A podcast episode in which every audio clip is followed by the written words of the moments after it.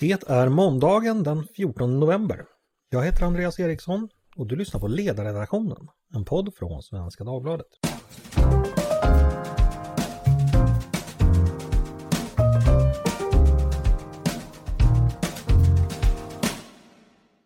Varmt välkomna ska ni vara.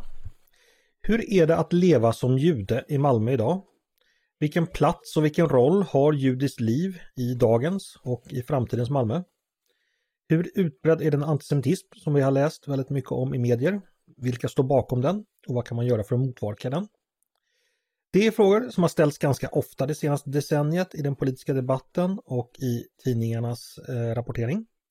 Rapporterna från Malmö har ju ofta gällt just judisk utsatthet och de har varit många och oroande.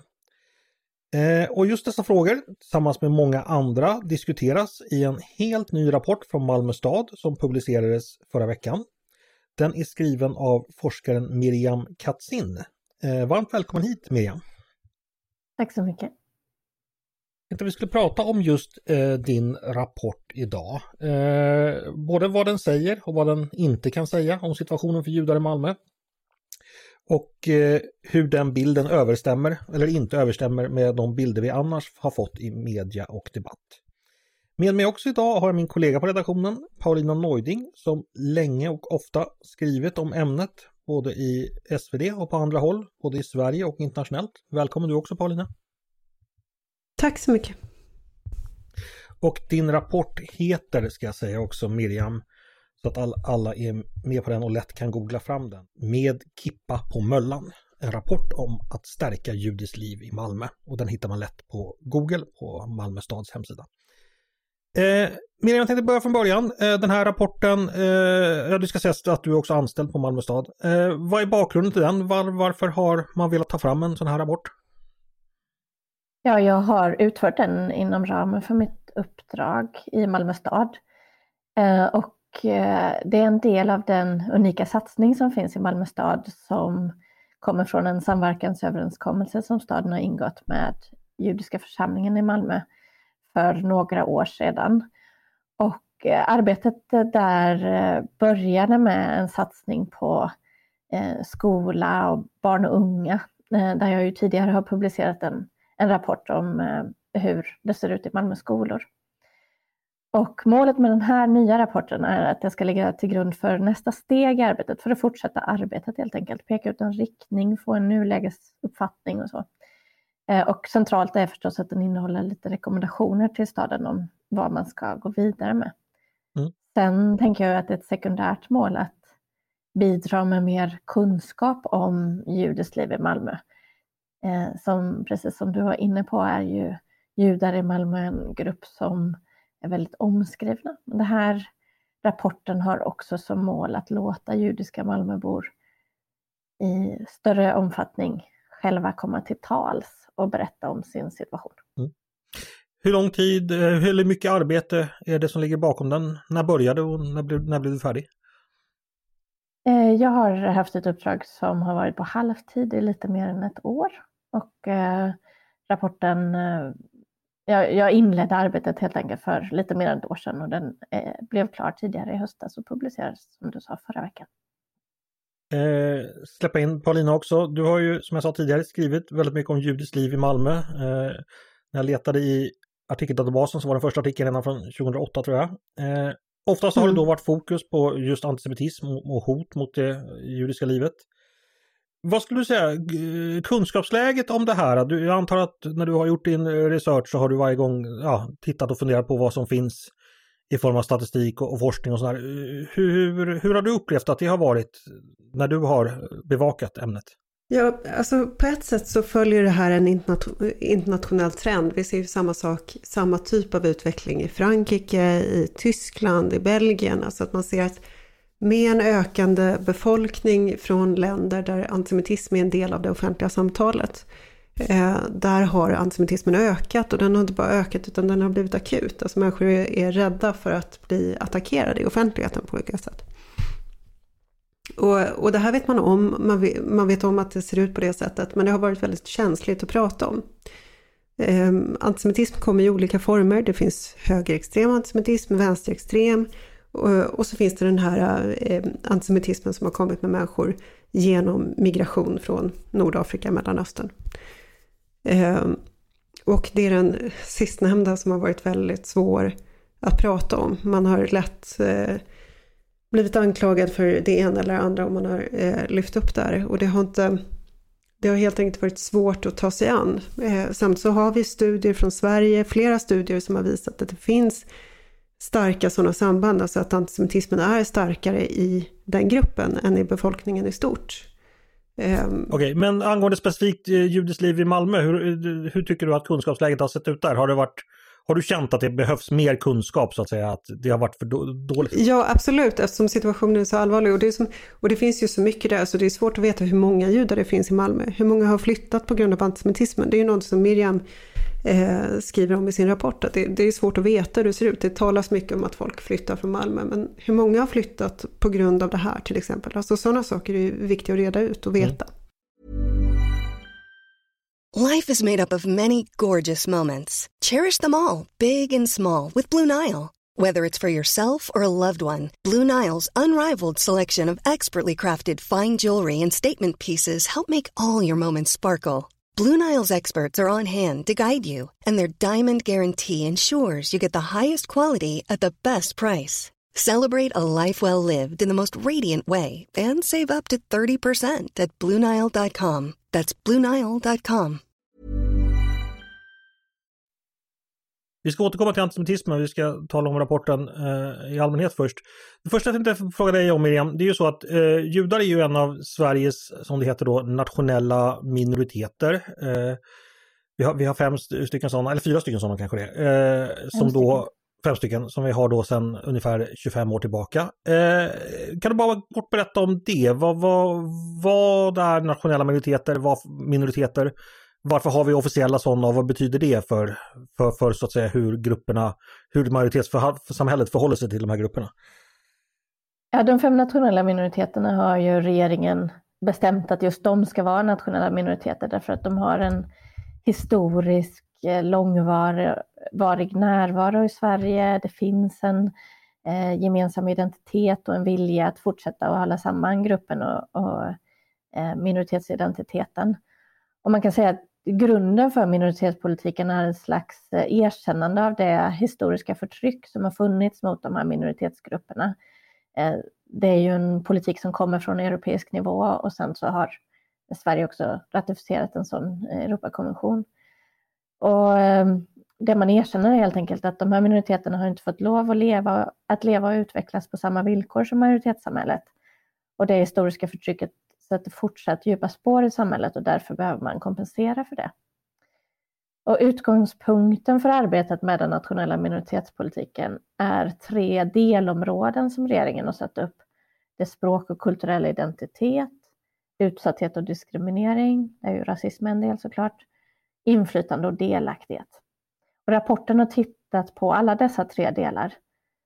Och jag tänker att Meningen med det är att synliggöra att möjligheten att leva som en nationell minoritet förstås inte enbart handlar om att vara skyddad från trakasserier utan också om vilken plats som minoritetsskapet positiva delar får, att det också måste få stöd, ges utrymme och detta i samverkan och dialog med minoriteten och inte som ofta förr i historien ovanför deras huvuden. Mm. Eh, vi ska vidare prata bara ja, kort bara om metoden du har använt. Eh, kan du berätta om den och varför att du valde just den för att undersöka gruppen? Mm. Jag har använt mig av det som kallas för kvalitativ metod, det vill säga jag har eh, djupstuderat eh, källor snarare än att ta fram statistik. Eh, och Eh, rapporten är framförallt baserad på en kvalitativ enkät, alltså en enkät som inte samlar in statistik utan har stora öppna frågor och där meningen att man eh, ska ta tid på sig att svara. Och sen har jag följt upp det med fördjupande intervjuer. Och detta är ju läst förstås tillsammans med och, och i relation till den existerande forskning och annan kunskap som finns. Och en anledning till att jag valt kvalitativ metod är att Eh, som ni var inne på innan så går det inte att göra någon statistik därför att det inte går att ringa in gruppen judiska Malmöbor. Så då går det inte heller att säga vad som är ett eh, relevant urval, vad som är representativt. Och det innebär ju också att jag kan ju inte säga någonting om hur vanligt förekommande det ena eller andra fenomenet är. Men det man kan göra med kvalitativ metod och som Eh, jag tänker att eh, rapporten bidrar med, det är att skapa en djupare förståelse, att ge fler nyanser, att synliggöra djupet i olika problem. Och rapporten innehåller ju väldigt mycket citat från judiska Malmöbor. Och jag tänker att den som läser rapporten på det viset får helt enkelt en, en djupare insikt i hur det kan vara att leva som judisk Malmöbo. Var det lätt att hitta folk och intervjua och eh, besvara enkäter? Och eh, hur, hur lätt tyckte du att folk hade att, att prata så att säga? Ehm, jag har varit väldigt noga med att de som skulle besvara den här enkäten skulle vara judiska Malmöbor. Och eh, det innebär att jag inte har, att jag har prioriterat att sprida enkäten i säkra kanaler framför att nå så många som möjligt eftersom jag inte ville att, den, att resultaten skulle korrumperas. Och eh, jag känner mig väldigt trygg med att de som har svarat också tillhör den här gruppen. Eh, de har svarat med stort engagemang. Den genomsnittliga svarstiden på enkäten är tre kvart. Så att många människor har suttit en väldigt lång stund och verkligen försökt besvara frågorna på djupet. Och eh, många av dem, nästan hälften, ville också eh, delta i en fördjupande intervju så att jag fick eh, sålla helt enkelt och göra ett urval. Så att jag upplever att de som har nåtts av enkäten har varit väldigt eh, eh, måna om att, eh, att delta. Jag har inte mötts av eh, någon, eh, något motstånd eller någon re negativ reaktion egentligen alls som jag uppfattat. Eh, vi ska gå mer in på, på vad det är du har funnit. Vi hinner då förstås inte gå igenom allting. Eh, rapporten finns sagt på nätet och jag rekommenderar att man läser den. För som Miriam säger finns det då eh, både långa resonemang, eh, ja, både från, eh, utifrån forskningen och men också utifrån vad folk helt enkelt har svarat och folk är återgivna i ganska, ganska långa citat. Så där kan man läsa mycket. Eh, den är lätt att hitta, eh, ungefär 100 sidor lång så man, man läser den också ganska snabbt. Eh, om vi bara börjar prata resultaten. Det, det första du skriver om då om judisk identitet, det är så att säga eh, en avdelning här. Eh, nu förstår jag att det blir svårt att sammanfatta, men om du ska försöka, vad är det, dina viktigaste och tydligaste findings när det gäller hur judar i Malmö förhåller sig till, eller ja, hur deras judiska identitet helt enkelt ser ut? Vad Finns det någonting att säga om det? Övergripande. Ja, det finns en stark vilja till att de positiva delarna av den judiska identiteten ska få mer plats. Och att eh, ha judisk kultur i Malmös offentliga rum i högre utsträckning än vad som finns idag är ett ofta framfört önskemål i min studie. Och generellt så finns det en stolthet och glädje över kulturen, traditionerna, historien som man vill dela med sig av och, och bjuda in till. Och en vilja att fokus ska vara på det levande och framåtsyftande och inte bara på trauman, konflikter och den tragiska historia som ju också finns. Um, och sen vill man att majoritetssamhället bättre ska förstå judisk identitet och inte minst den koppling mellan religion, tradition, kulturidentitet som på vissa sätt ser annorlunda ut än för många andra svenskar och där man upplever att majoritetssamhället tenderar att antingen övervärdera eller undervärdera det religiösas betydelse. Så att man antingen talar om judendom bara som en tro, vilket faktiskt inte är det mest centrala för många judar. Eller så ger man inte plats åt kulturella och traditionella uttryck som är centrala för judar därför att de har en religiös botten.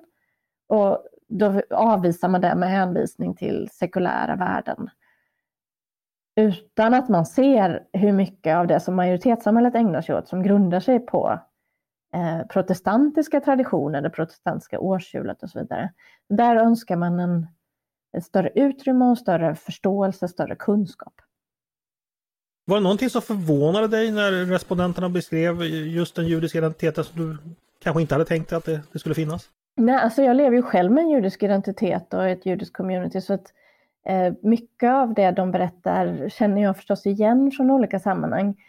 Och, eh, men jag tycker att många av dem på ett fint sätt sätter ord på till exempel en, en av intervjupersonerna som um, beskriver, han är absolut inte troende, men han, det är ändå jätteviktigt för honom att tända shabbesljus varje fredag. och hur han eh, hamnade i konflikt med sin, som han säger, svenska ateistiska eh, flickvän. Han, har själv inte, han är själv inte född i Sverige så han, han, tycker att det finns en skillnad där. Han är född i USA. Och han, han säger att för henne framstår han som supertroende trots att han inte var troende alls. Och att det fanns ett stort motstånd där. Och det tycker jag är en historia som verkligen illustrerar hur eh, det kan uppstå en, eh, en konflikt eller ett missförstånd mellan majoritetssamhället och ett judiskt sätt att leva. Mm. Eh, Paulina, eh, sagt, du har ju själv bevakat området. Eh, vad, vad, tänker du om just den här judiska identiteten i, i ja, både i ett svenskt perspektiv men kanske framförallt i ett malmöitiskt perspektiv när du läser det eh, som Miriam har fått berättat för sig? Vad känner du igen och vad känner du inte igen? Det, det, är en svårgripbar identitet där det religiösa och det etniska och det kulturella går in i varandra. Ibland kan man liksom säga jag är jude för jag har en mormor som var judinna. Eh, och då, då, är det nästan som att man pratar om det som någonting enbart någonting etniskt och kanske överhuvudtaget inte kulturellt. Någonting som finns där som en del av ens vem man är trots att det överhuvudtaget inte finns någon, eh, någon religiös eller kulturell aspekt i det. Så det, det, där är väldigt eh, komplicerat och eh, jag är glad att jag inte behövde reda ut det i den här rapporten för det, det hade varit besvärligt. Mm. Eh, glad att du inte var respondent kanske heller då? Eller hade du? Ja, precis. Ja. Exakt. Eh, eh, en fråga där Miriam, jag antar att just det här med, med judisk identitet på olika håll i diasporan har forskats rätt mycket på eh, och du har en del andra exempel att jämföra med. Vad är ju eh, det unikt malmöitiska eller det unikt svenska i den judiska? Finns det någonting där du skulle liksom vilja lyfta fram som, du, som slog dig när du fick höra vad folk sa? Ja, men när det gäller Sverige överhuvudtaget så sticker det ut i Europa som ett av få länder där det finns fler judar idag än vad det gjorde innan andra världskriget. Alltså där det inte eh, finns en, en stark eh, historisk närvaro. Eh, där judar alltid varit en liten grupp men ändå en större grupp idag. Men generellt så, så sticker Sverige ut på, också på det viset att den sekularismen är så otroligt stark här, att platsen för religiösa identiteter överhuvudtaget har varit svår att fånga. Sen är ju, är det, finns det ju en tydlig skillnad mellan Malmö och Göteborg och Stockholm framför allt. Eh, historiskt på det viset att judar har fått bo i Malmö betydligt kortare tid. Det har bara funnits judar i Malmö i 150 år och överhuvudtaget präglas eh, Malmös judiska liv av att det kommit eh, eh, invandringsvågor igen igen. Så att det är en relativt ung, vad ska jag säga, i Sverige eh, judisk eh, minoritet som är, tror jag, mer lättrörlig än den eh, i Göteborg och Stockholm som har djupare historiska rötter. Mm. Det var ju faktiskt så att eh, när judar så att säga kom till Sverige första gången så var det ju lagar på att man bara fick bosätta sig i vissa städer. Eh, Stockholm, Göteborg, Norr, Norrköping vill jag minnas att det var. Malmö tillhörde mm. inte de städerna utan det var först flera generationer senare som, som judar Ja, helt enkelt. Man hade bestämt sig kring, kring detta väldigt, väldigt långt in i tiden. En annan fråga kring detta. Eh, judisk identitet. Eh, vi känner ju alla till eh, alltså judendomen och judarnas historia med att dels den liksom ursprungliga eh, diasporan och sen inte minst såklart förintelsen som sker på 1900-talet och som du beskriver också så är det ju ganska många flyktingar som kommer just från förintelsen just i Malmö. Vilken roll spelar det, om det nu fortfarande spelar någon roll i så att säga judisk identitet? Går det att säga någonting om det som, som du tycker man bör ta med sig? Det spelar en central roll såklart, men på ett komplext sätt. Alltså, eh, historien av förföljelser och förstås förintelsen som en särskild eh, ett utmärkande del av den historien är eh, någonting som man måste ta avstamp från som jude. Men man gör det på olika sätt. En del, eh, för en del är det en väldigt central del av identiteten. Det hör jag ju bland de som är eh, barn till förintelseöverlevande till exempel i min undersökning att det, det, det är väldigt centralt. Eh, men det kan ju också ta sig uttryck som ett slags motstånd mot att detta ska vara så centralt. Kan vi inte få lov att gå vidare? Kan vi inte få lov att vara någonting mer? Särskilt i majoritetssamhällets ögon ska vi alltid bara förknippas med detta tragiska. Kan vi få vara något annat än offer? Och sen för ytterligare några så är det någonting som är eh, där man, eh, som jag skriver om i rapporten, eh, följer det som eh, Emil Fackenheim har eh, utnämnd utnämnt till det 614 budet, alltså ett ytterligare religiöst bud att leva judiskt för att inte ge Hitler en postum seger. Att man ska upprätthålla det judiska som en slags, eh, att man har en slags särskilt ansvar att göra det. Och, och det där kommer igen i, i några personers eh, berättelser, att, att deras judiska identitet i sig är ett slags ställningstagande mot antisemitism och historisk förföljelse. Mm. Eh, med historisk förföljelse kommer vi då automatiskt in på dagens situation när det gäller då just eh, utsattheten och det som vi kunde konstatera inledningsvis, det är det det har skrivits mest om och diskuterat mest om. Miriam, om du med samma översiktliga grepp så att säga ska beskriva resultatet av när man rapporterar om utsatthet. Eh, hur, helt enkelt, hur utsatta är Malmös judar för rasism och hur yttrar det sig? Ja, för det första så vill jag återigen betona att jag inte kan säga någonting om en statistisk förekomst och jag kan inte, eller har inte haft som ambition heller att säga så mycket om um, vilka som är antisemiter och så vidare. Utan det är ju framförallt eh, de judiska Malmöbornas eh, upplevelser. Och det är ju några olika fenomen som jag uppmärksammar där. Eh, eh, ett sånt är det som kallas för vardagsantestamentism, som är något som många har varit med om, alltså incidenter i, i vardagen som kan komma från vem som helst, när som helst. Och det här är också någonting som var ganska framträdande i min eh, tidigare rapport när jag hade pratat med judiska barn och unga. De här berättelserna att det, det kan vara kompisar, det kan komma, det är jargong helt enkelt som man kan stöta på eh, när som helst och som kanske inte skapar rädsla men obehag och en konstant påminnelse om att man inte är accepterad på lika villkor. Sen finns det förstås också berättelser om allvarliga incidenter, till exempel en, eh, en man som jag har talat med som tidigare har arbetat för den judiska församlingen i Malmö och vid ett par tillfällen då blev eh, dödshotad på församlingstelefonen. Det finns de som har varit med om eh, att bli kallade olika saker i det offentliga rummet.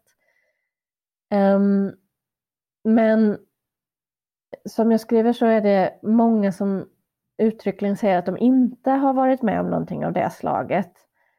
Eh, men de kan ändå ha en stor rädsla, en stor känsla av utsatthet. Och det tänker jag eh, att man kan förklara på olika sätt. Och en del av det är att många judiska Malmöbor, liksom många judar i Sverige överhuvudtaget skulle jag säga, kanske förutom i Stockholms innerstad, väljer eh, ganska noga att dölja sin judiska identitet eller man väljer noga i vilka sammanhang man är öppen. Eh, så man vågar bära symboler och så vidare. Och att man resonerar utifrån en logik av better safe than sorry, som en av mina intervjupersoner sa.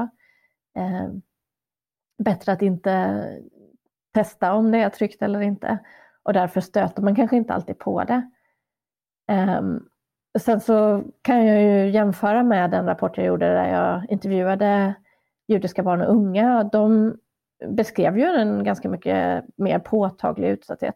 Det tänker jag handlar om att vuxna på andra sätt kan välja var man rör sig, vilka, eh, vilka man umgås med och så vidare. Eh, Medan man, barn i allmänhet, barn i skolan är mer utsatta överhuvudtaget.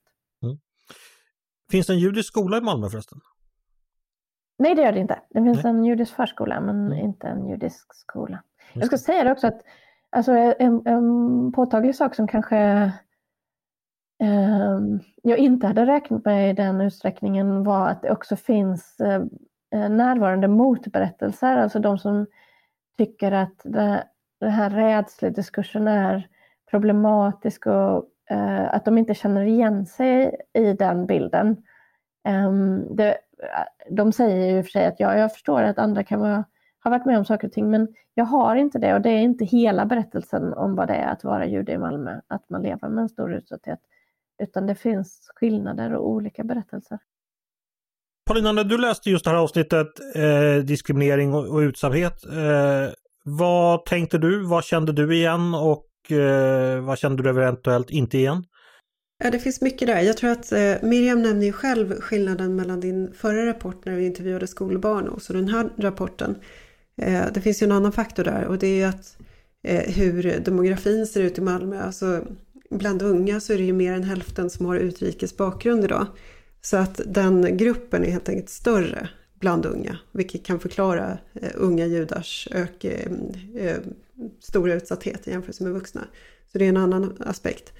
Många av de jag intervjuade i den rapporten sa ju att, eh, berättade ju att de var utsatta av en rad att det fanns olika bakgrund bland de som eh, Ja, ja visst, och även så är det ju. Det är ju ett kumulativt fenomen. Om du har både högerextrema antisemiter och eh, antisemiter med invandrarbakgrund och invandringen ökar och den gruppen växer, då växer ju antisemitismen. Så att det, det är liksom, båda saker är ju sanna.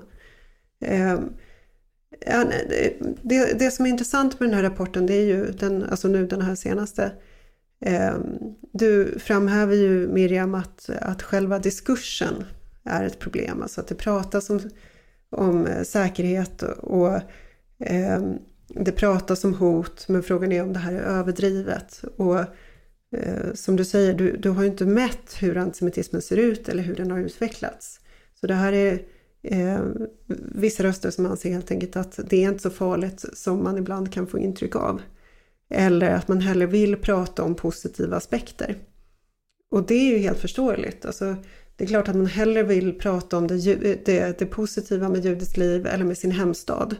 Eh, men det får inte förväxlas med att det skulle finnas eh, fog för att säga att ja, men nu har problemet minskat eller nu är problemet inte längre så allvarligt. För det, det är en annan fråga så att säga. Men, men Paulina, tycker du att Miriam gör det i rapporten? Är det det Nej. Problemet här det är ju som Miriam säger att eh, du har ju inte mätt hur antisemitismen har utvecklats över tid eller om det finns fog för att vara orolig som jude i Malmö.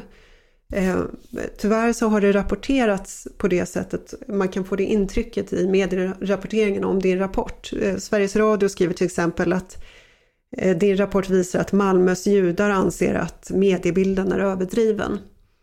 Och det finns ju inte fog för det i rapporten. Det är inte så att det är Malmös judar utan det är, det är 39 respondenter.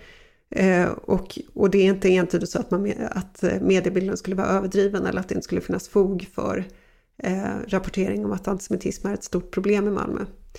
Eh, det lät likartat när DN skrev om, om rapporten. Så där tror jag att det är viktigt att eh, att understryka vad den här rapporten visar och vad den inte visar. Okej, okay. eh, Miriam kan få svara på det först. Då. Tycker du att mediarapporteringen, eh, det som Paulina beskriver, har den blivit felaktigt och missat poänger i, i vad det är du har gjort och vad du kan uttala dig om?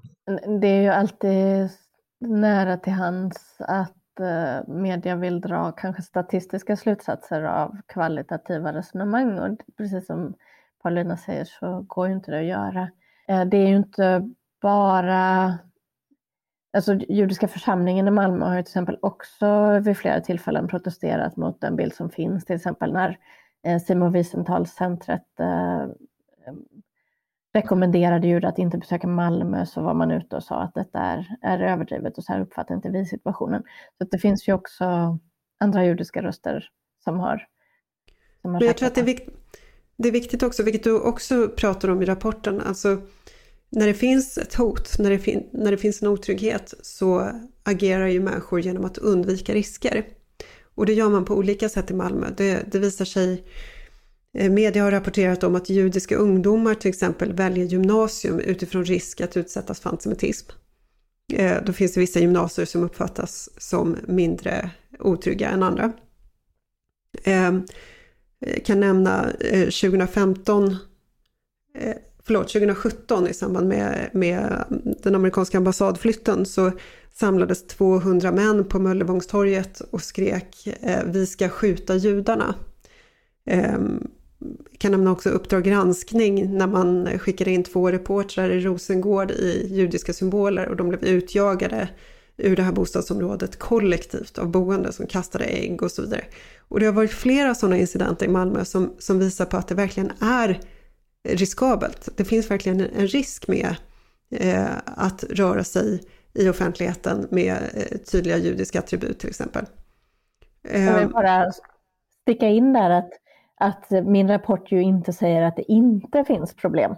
absolut inte, utan bara vill nyansera bilden på ett, tycker jag, eh, behövligt sätt av hur de problemen kan upplevas och ja, helt enkelt vilka olika berättelser och erfarenheter som finns bland judiska Malmöbor. Mm.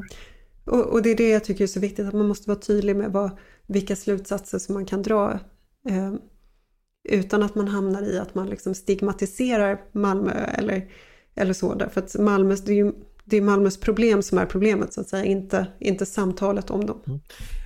Paulina, bara återknyta till tidigare. Det som, Miriam, det som kommer fram i rapporten det är ju ändå liksom berättelser från ett stort antal människor som är då eh, ja, som sticker åt lite olika håll. Det finns då både upplevelser av rädsla, eh, det finns upplevelser av att det, det eh, man kanske inte, alltså ja, du har läst den själv så att säga. Eh, utifrån den bilden du får där, oavsett om du tycker att det finns andra motexempel i offentligheten, känner du igen den utifrån vad du, där du pratar med andra du känner inom judiska gruppen? Eh, eh, eller hur förhåller sig de bilderna till, till så att säga, din egen upplevelse? Ja, alltså jag känner väl igen den. Dels så är det väldigt mycket eh, långa resonemang om säkerhet och oro, inte kanske främst för en själv utan för andra och det är ganska typiskt.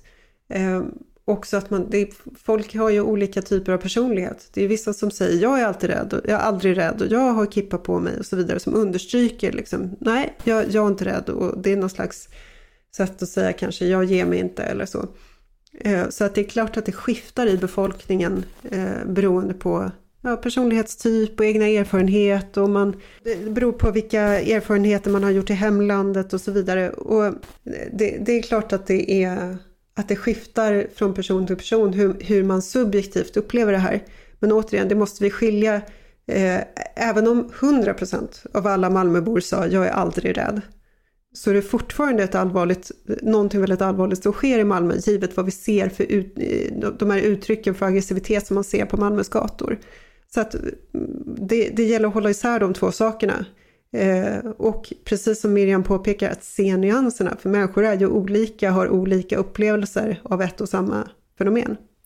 Miriam, får jag fråga dig, Paulina tog upp några saker här. Eh, de väldigt mer uppmärksammade sakerna, exempelvis tennisprotesterna 2008, eh, Ilmar Reepalus uttalanden om där han eh, likställde antisemitism med, med sionism, eh, besöket från USA eh, och så vidare.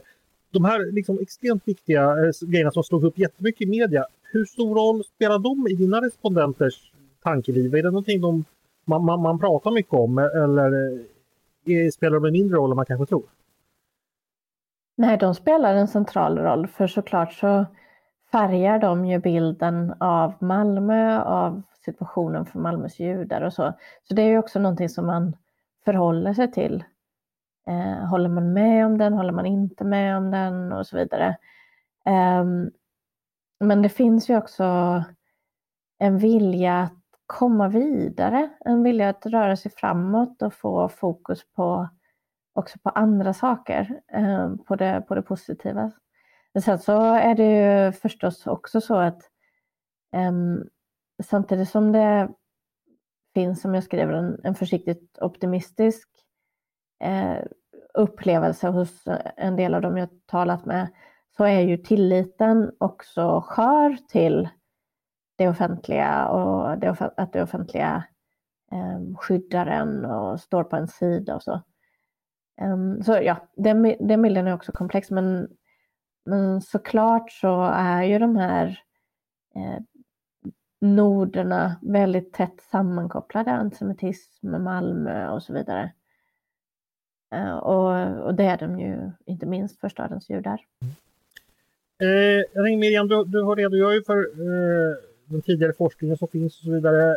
Givet andra källor och vad vi exempelvis vet från tidigare forskning, skulle du säga att resultatet i din rapport förändra bilden av just judar när det gäller utsattheten eh, på något sätt? Och, och, i så fall vilket sätt?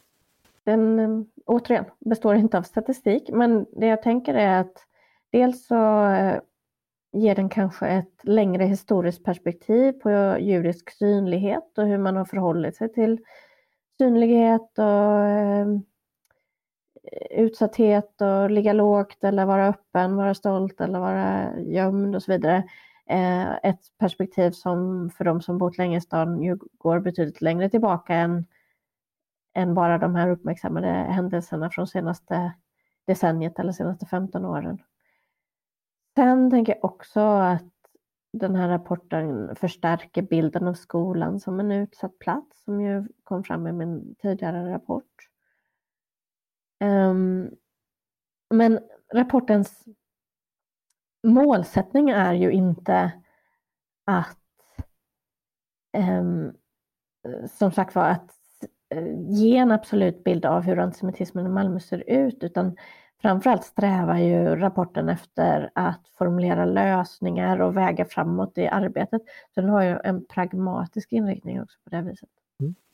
Men då är det väl lämpligt att vi flyttar oss just till den delen när det gäller eh, de rekommendationer du har inför framtiden. Eh, om vi fortsätter upprätthålla oss just vid, vid utsattheten eftersom vi trots allt är ändå det som är mest uppmärksammat. Vad ser du som vägen framåt där? Vilka rekommendationer ger du? Jag rekommenderar ju förstås att man fortsätter den satsning som finns på arbetet mot antisemitism i skolan men också i andra kanaler. Eh, där ju ja, Malmö har ett, eh, ett unikt arbete som behöver fortsätta och vara långsiktigt. Det behöver finnas ett långsiktigt engagemang för frågan och för minoriteten. Och sen tänker jag att man måste arbeta med säkerhetsfrågan tillsammans med minoriteter men också med trygghetsfrågan. Alltså hur ska man öka tryggheten för gruppen eh, både objektivt och subjektivt eller hur man ska säga. Hur, hur tillsammans med civilsamhället behöver man eh, från det offentliga sida jobba med det. Och sen så finns en vilja hos judiska Malmöbor att ha fler möten eh, och Eh, få ut mer kunskap om judiskt liv, judiskt sätt att leva, judar i Malmö idag, antisemitism. Eh, och att det också är ett sätt förstås att motarbeta utsattheten.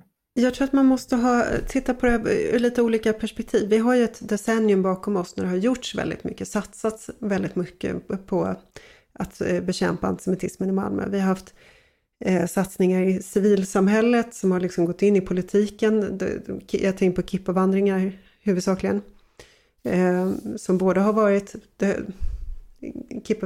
är ett sammansatt fenomen. Alltså dels har det varit den judiska församlingens egen protest mot antisemitismen. Det har varit vanliga Malmöbors sätt att eh, uttrycka sin solidaritet. Men det har också varit ett sätt för politiker, ansvariga politiker att frisvära sig från ansvar därför att man går ut och kippavandrar och så är det som att det, då har man gjort någonting. Jag är inte säker på att kippavandringar eh, är någonting, ett effektivt sätt att bekämpa antisemitism. Eh, Sen har vi haft de här dialogforumen, konferensen om förintelsen som också mm, beskrevs som en del av den här satsningen. Jag är inte säker på att de här, Eh, om man betraktar det här som ett sätt att bekämpa antisemitism, så är jag inte säker på att det är effektivt. Och det är eh, väl kanske läge nu att börja utvärdera hur det egentligen har gått.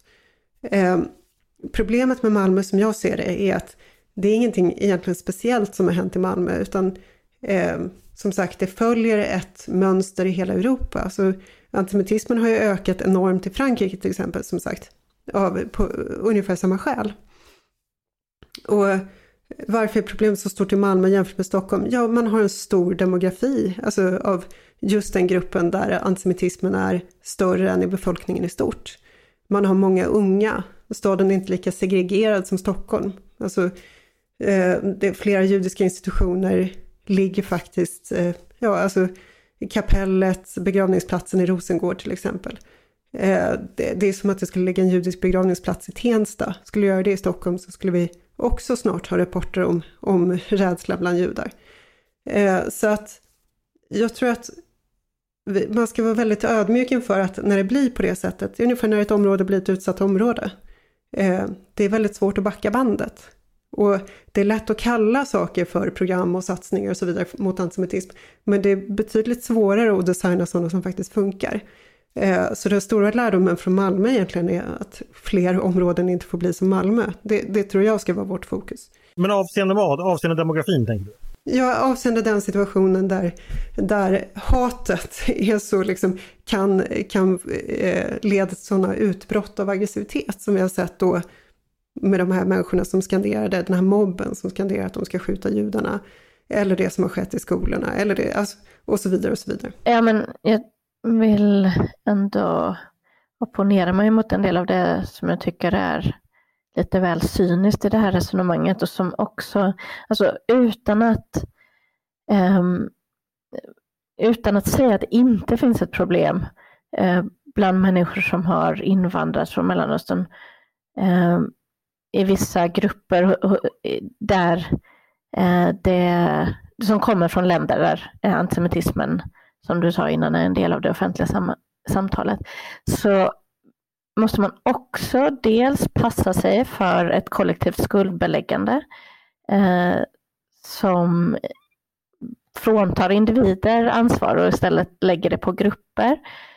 Eh, för det andra så blir det också ett osynliggörande av den antisemitism som fortfarande ändå finns i majoritetssamhället, där till exempel om man tittar på eh, Forum för levande historias statistiska undersökning så är det eh, nästan en fjärdedel av alla som håller på, håller, alla svenskar överhuvudtaget som håller med om konspiratoriska påståenden. Så även om det inte är lika framträdande i gruppen så finns det ju i majoritetssamhället. Och för det tredje så osynliggör det också den utsatthet som finns på andra ställen i Malmö. Som sagt var kanske in, ä, andra ställen i Sverige än i Malmö. Kanske inte i Stockholms innerstad men i, i Umeå, i Lund, i Borås, i Västerås, eh, Norrköping inte minst. Um, där den judiska utsattheten ser ut på ett annat sätt.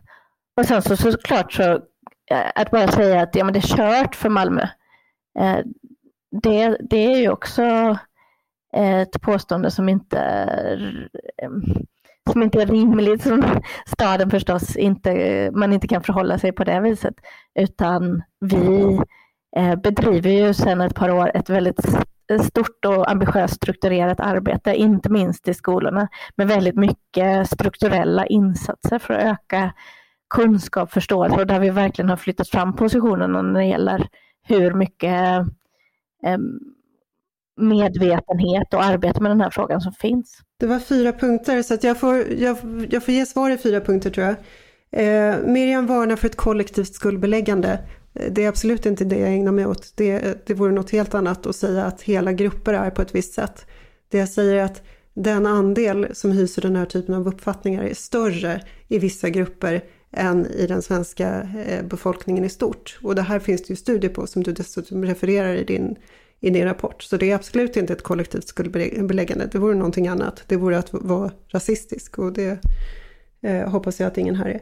Ehm, du nämner osynliggörande av andra typer av antisemitism. Som sagt, det finns många olika, eller ja, tre huvudsakliga typer av antisemitism. Högerextrem, vänsterextrem, islamistisk. Alla de här är problematiska. Men situationen i Malmö är inte resultatet av att vi har fått, fått fler högerextremister eh, eller fler vänsterextremister. Det är inte det som har gjort den så, så väldigt akut. Alltså, ja, högerextremismen ökar också och vänsterextremismen också, men huvudsakligen den, kanske den högerextrema antisemitismen och den har vi ju sett. Det är inte det som har gjort situationen akut så många gånger i Malmö.